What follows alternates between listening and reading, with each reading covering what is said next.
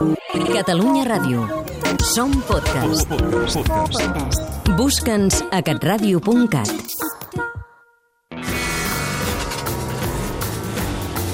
Catalunya Ràdio presenta Tor. 13 cases i 3 morts. La primera sèrie de no ficció a Catalunya Ràdio amb Carles Porta.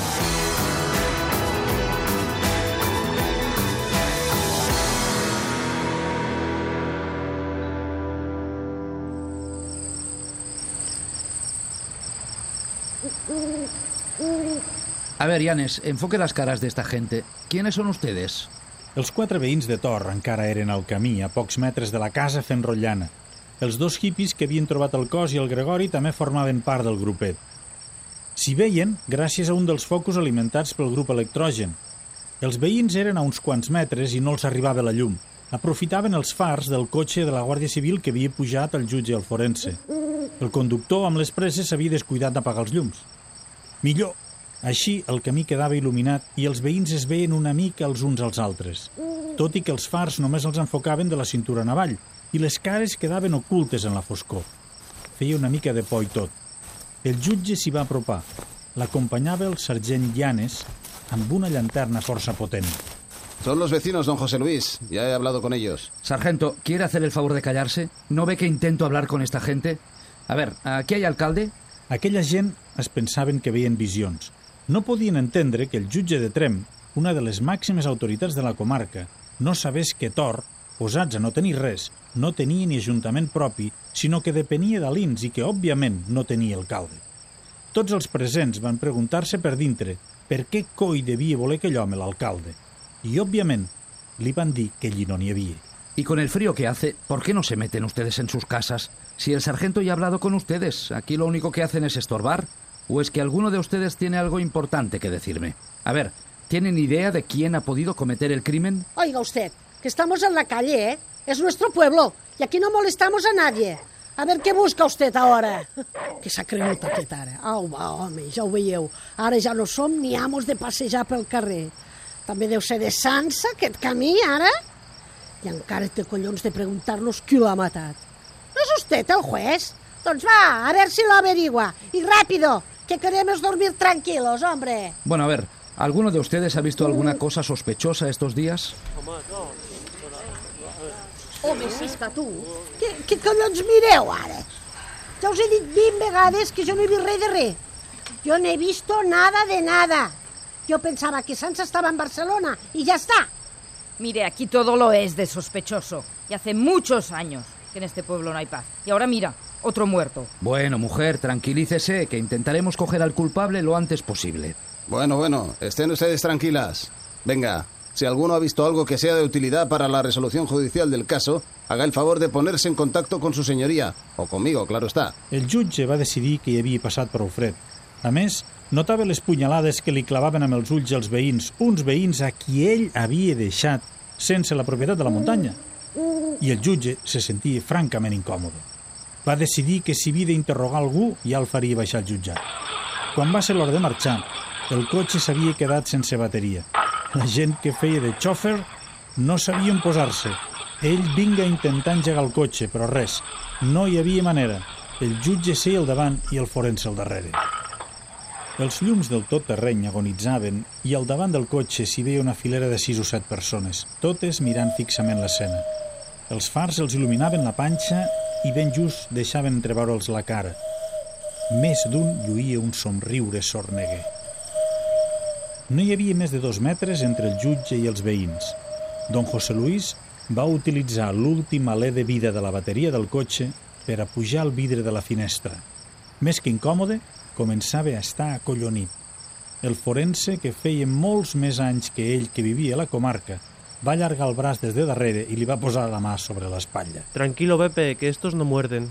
Al único que has de tener miedo es a Palanca, que está como un cencerro y ese no está. Joder, es verdad. ¿Dónde está Palanca? Va intentar baixar la finestra, però ja no hi havia prou d'energia, i va obrir la porta del Nissan Patrol per cridar al sergent, que també es mirava l'escena, però des de segona fila i acompanyat del tinent de Llavorsí. Yanes, Dígame, señoría. ¿Dónde está Palanca? ¿Lo tiene localizado? No, señoría. Nadie lo ha visto. Ni a él ni a su mozo, ese Lázaro. Ya los tengo en la lista. Para mí, hoy por hoy, son los principales sospechosos. Además, están desaparecidos desde hace dos días. Pero no se preocupe, quedaré con ellos, señoría. Confío en usted. Bueno, hasta mañana. El tinent, veient que amb aquella bateria no hi havia res a fer, va cedir-los el seu cotxe i su senyoria i el forense van tornar cap a baix. Així que van perdre de vista el poble, don José Luis va fer un sospir i es va encendre una cigarreta. Els veïns van esperar que s'enduguessin el cos del difunt i se'n van anar cap al llit. Aquella nit, però, ningú va aclucar l'ull.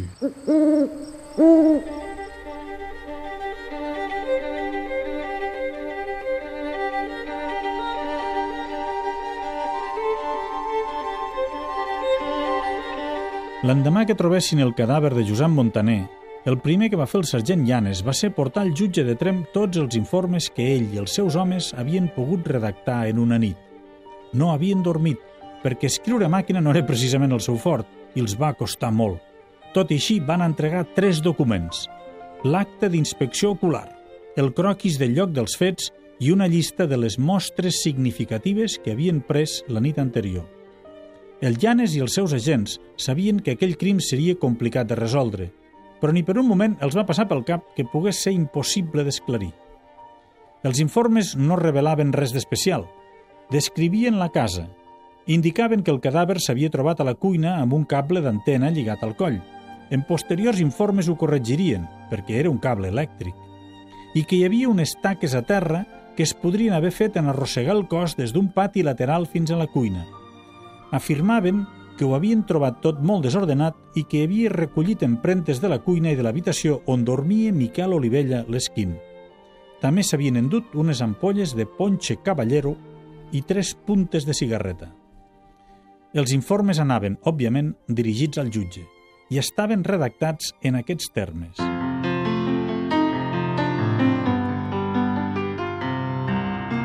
Lo anteriormente reseñado se cita por si su señoría estima de interés sean remitidos tanto los lofogramas, si es que se logra su trasplanta, y las colillas, caso de que se considere de interés efectuar la prueba y la analítica de ADN, por si dichos cigarrillos pudieran haber sido consumidos por el reseñado Miquel Olivella, aún señalándose que parece normal la estancia de las colillas y las posibles huellas en la botella, dado que dicho individuo residía en la vivienda y no es anormal que beba de las botellas y apague las colillas en el lugar.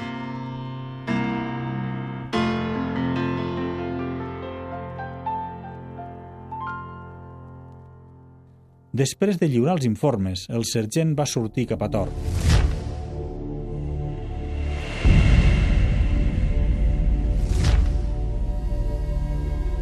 A les 10 arribava a Casa Sansa.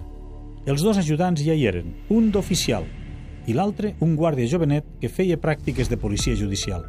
Al carrer ni un ànima, darrere les finestres un munt d'ulls. Mi sargento, hemos encontrado la puerta abierta. ¡Coño! ¿Quién fue el último en marcharse ayer? ¿A qué hora habéis llegado? ¿No estaba aquí la pareja de sí? Nosotros hemos llegado a las 8 y no había nadie delante de la puerta. La pareja estaba tomando café en casa Sisqueta. Es que esta noche ha hecho una rasca que no veas, mi sargento. Me cago en mis muertos. Como se entere el juez me funde. ¿Pero ha entrado alguien o no? No lo sé, mi sargento. No hemos notado nada. Como todo está tan guarro. Bueno, da igual. Vamos a echar un vistazo. Abrid todas les ventanes, però con cuidado. No vaya a ser que destruyamos alguna prueba importante. Al terra de la cuina encara hi bellugaven cucs que semblaven alimentar-se d'un líquid molt viscós que dibuixava la silueta del cadàver.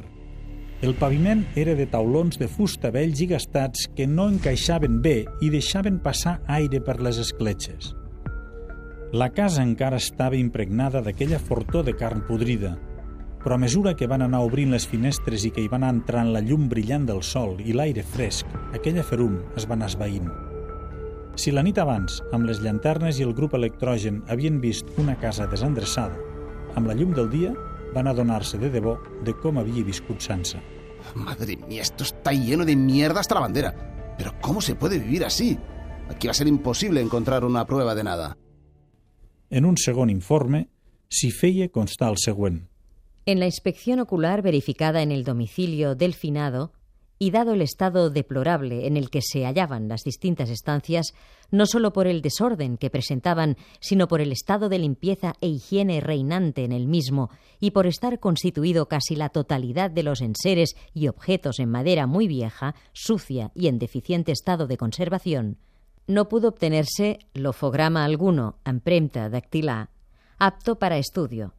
Al efectuarse el fuego en el domicilio mediante leña y ser la cocina antigua y muy vieja, esta se distribuía por la totalidad del domicilio, hallándose paredes, techo y la totalidad de las ropas y demás objetos impregnados de hollín y humo, así como por capas grasientas que imposibilitan la obtención de huella alguna.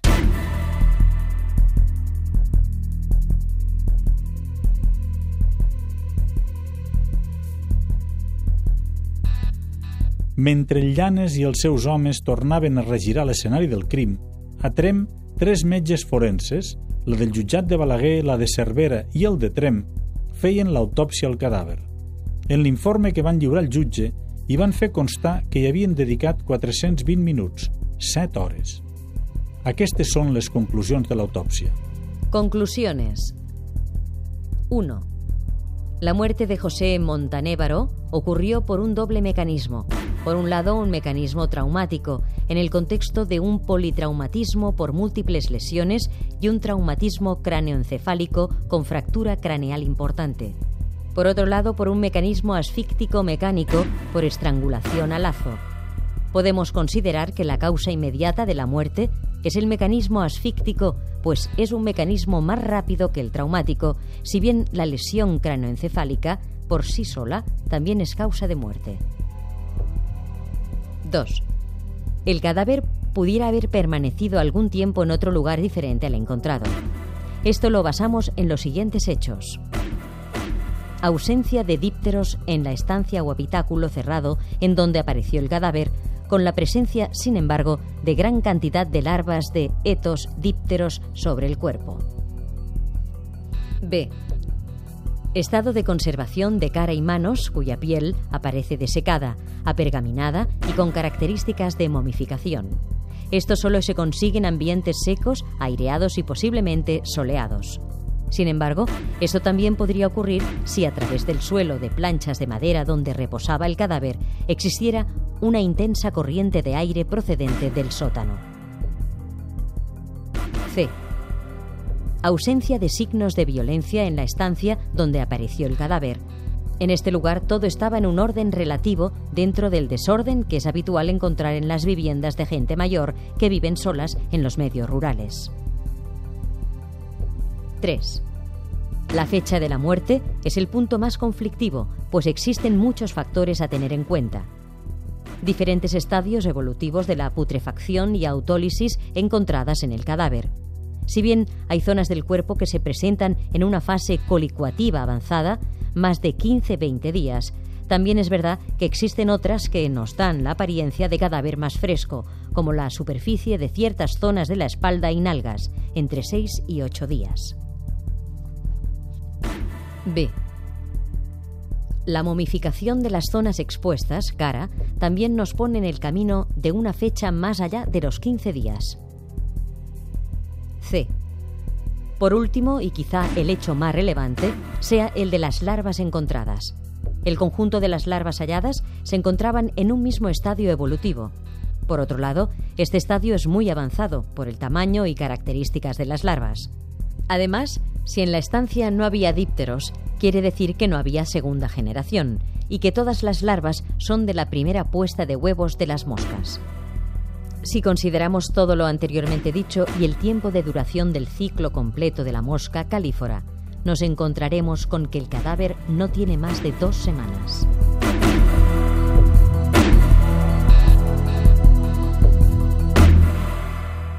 En l'informe dels forenses hi havia un paràgraf que va cridar molt l'atenció del sergent Llanes. Retirada la vestimenta, llama la atención que sobre la piel, a ambos lados del tórax, existe un material de características orgánicas que además se encuentra por debajo del polo y por debajo de la cazadora impregnando ambas prendas de vestir. Recogemos muestras de este material y se envía al Instituto Nacional de Toxicología para su estudio y comparación con otros materiales recogidos en las proximidades de la casa donde fue encontrado el cadáver.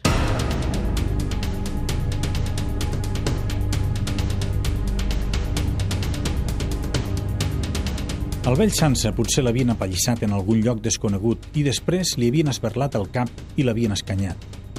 Després l'havien traslladat, mig lligat a la cuina de casa seva. Aquesta era una possibilitat.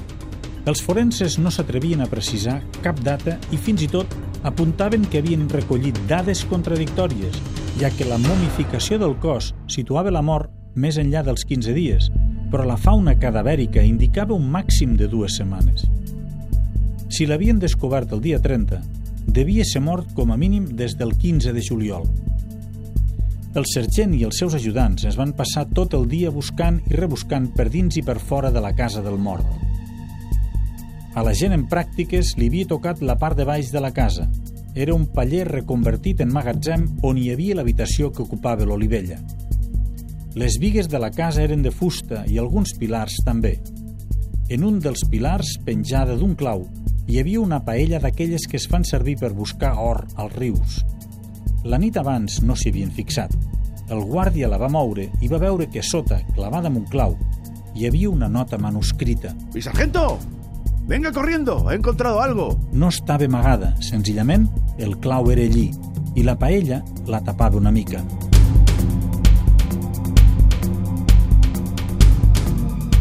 Era un full de la mida d'una quartilla escrit per totes dues cares.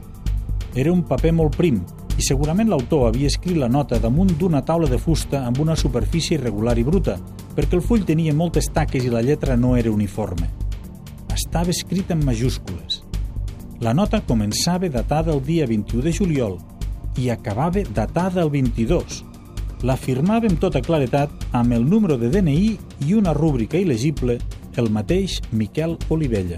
21 de julio de 1995. Señores de la Benemérita, he estado dos años en este cuchitril. El señor Montané quiere echarme fuera, pero según la ley germánica, cuando llevas más de nueve meses en un habitáculo, él mismo te pertenece. Y yo es lo que he hecho. El mencionado propietario me dio permiso para habitar este sitio y lo hice. Luego surgieron diferencias entre él y yo, después de 24 meses de estancia aquí, quiere que me vaya. Y no estoy dispuesto a hacerlo, pues me he gastado un buen dineral en hacer habitable este sitio. Yo no tengo nada malo contra este señor, pero lo que no puede ser es que te digan ahora sí o ahora no. La palabra de un hombre es lo que vale, y si no tiene palabra, no la dé. Tengo testigos conforme el señor Sansa me dio este local a cambio de un vehículo valorado en 3 millones de pesetas y si ustedes me quieren echar, lo tienen muy jodido, pues la ley germánica dice muy bien que si nueve meses un sitio hogar está deshabitado, el habitáculo pasa a pertenecer a que lo habita. De los papeles puede haber muchos, pero la palabra de un hombre siempre ha de prevalecer. Miguel Olivella, DNI número 36981XXX, 22 de julio de 1995. Fixem-nos també amb la data en què es va escriure aquesta nota, 22 de juliol de 1995. A Sansa el van trobar el 30 de juliol, o sigui que l'Olivella no feia massa dies que havia estat allà i que probablement havien discutit. D'aquelles discussions que fan posar els pèls de punta. L'Olivella tenia moltes coses a explicar. L'havíem de trobar.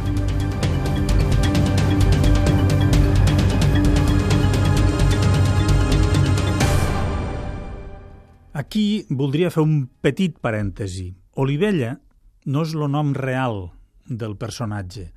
Qui tingui la primera o la segona edicions del llibre Tor, 13 cases i 3 morts de la campana, allí sí que surt el nom real. Però un dia em va trucar aquest senyor i em va demanar que canviés el seu nom al llibre. La trucada va ser bastant surrealista, eh? però això ja ho explicarem un altre dia. Eh, perquè el personatge, que al final vam acabar sent molt amics, me'ls va fer posar per corbata. Però bé, de moment centrem-nos en la història i el capítol següent continuarem avançant amb les investigacions nostres, del sergent i de tothom que estava implicat amb aquesta gran història. Tor, 13 cases i 3 morts. La primera sèrie de no ficció a Catalunya Ràdio. Muntatge musical, Sergi Cotillas.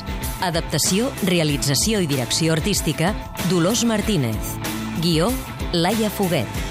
Narració, guió i direcció, Carles Porta. Amb les veus de Catalunya Ràdio.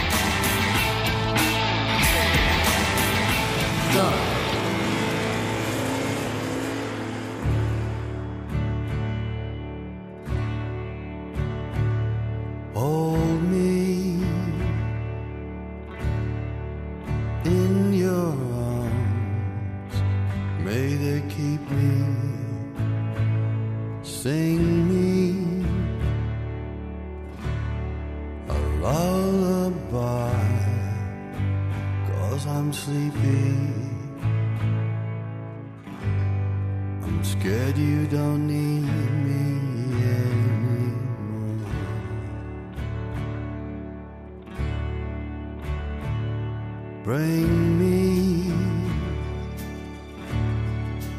to the light of the morning and take me through this night till the dawning. Oh, I see a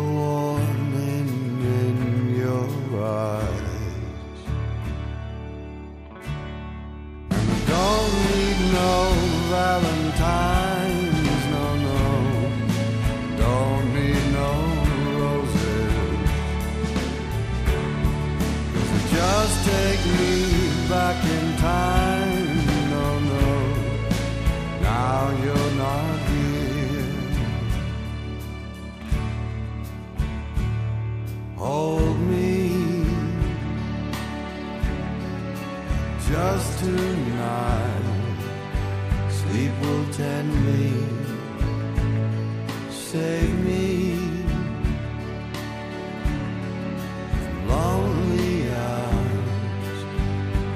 so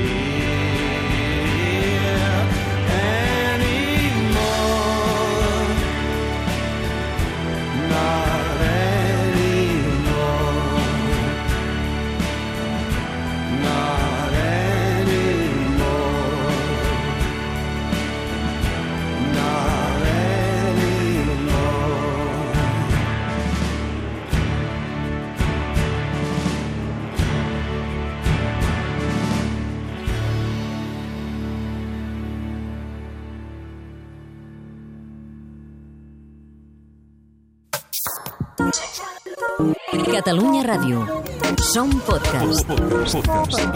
Busca'ns a catradio.cat.